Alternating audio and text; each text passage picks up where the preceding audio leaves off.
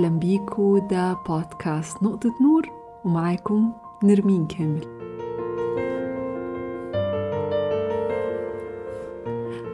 في مقالة قريتها في Sunny Skyz وحابة أشاركها معاكم النهاردة.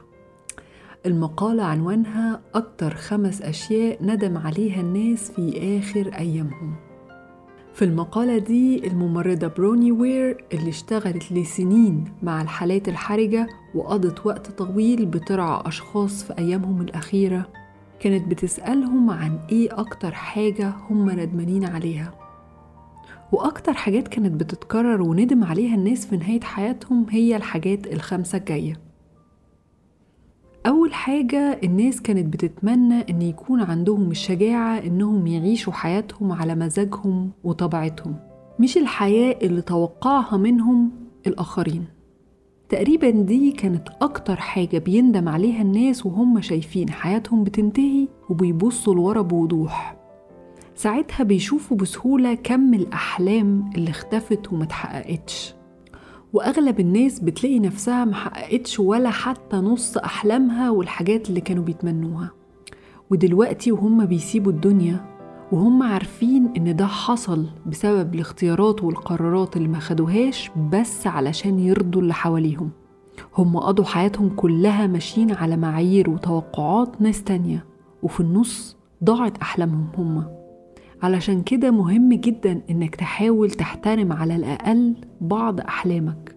لأن لما هتيجي اللحظة وتلاقي خلاص العمر عدى مش هتفتكر غير الفرص الضايعة. تاني حاجة الناس كانت بتتمنى إن هم ما كانوش قتلوا نفسهم في الشغل وإن شغلهم أخد كل وقتهم. لقيت بروني إن أغلب الناس بتندم على إن شغلهم أخد كل حياتهم. من غير ما يتبقى لهم أي وقت ولا طاقة لحاجة تانية. وكانوا بيتمنوا لو كانوا بسطوا نمط حياتهم وخلوا مساحة أكبر في حياتهم للسعادة وتقدير الأوقات الحلوة. محدش بيبص على حياته وبيندم على الوقت اللي قضاه وهو بينبسط بحاجة بيحبها أو بيقضيه مع ناس بيحبهم. تالت حاجة الناس كانت بتتمنى لو كان عندها الشجاعة الكافية إن هم يعبروا عن مشاعرهم. الناس بتكبت مشاعرها علشان يحافظوا على السلام مع اللي حواليهم ونتيجة لده بيرضوا بالمكان المتواضع اللي بيتحطوا فيه سواء كان في العلاقات أو في الشغل أو في الحياة عموما. ده غير الأمراض اللي بتنتج عن كتمان المشاعر والمرارة والحزن.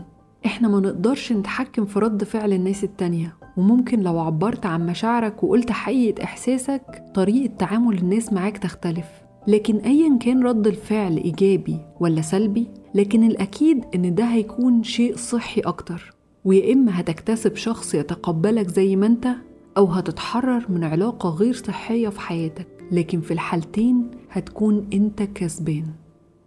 رابع حاجة الناس في نهاية حياتها بيتمنوا لو حافظوا على صداقاتهم في أغلب الأوقات الناس مش بتدرك الفوائد الحقيقية للأصحاب. ناس كتير بتسيب مشاكل الحياة تبعدهم عن صحاب العمر. وأكتر حاجة ندم عليها الناس إنهم ما بذلوش مجهود ووقت علشان يحافظوا على صداقاتهم دي. كل الناس بيفتقدوا أصدقائهم وهم شايفين النهاية. أغلبنا بيعيش نمط حياة سريع وزحمة ومع الوقت بنلاقي صداقاتنا بتضيع. ولأن في النهاية كل البشر بيدوروا على شيء واحد بس هو الحب. علشان كده مهم إنك تحس إن في حد جنبك خايف عليك من غير ما يكون عايز منك حاجة.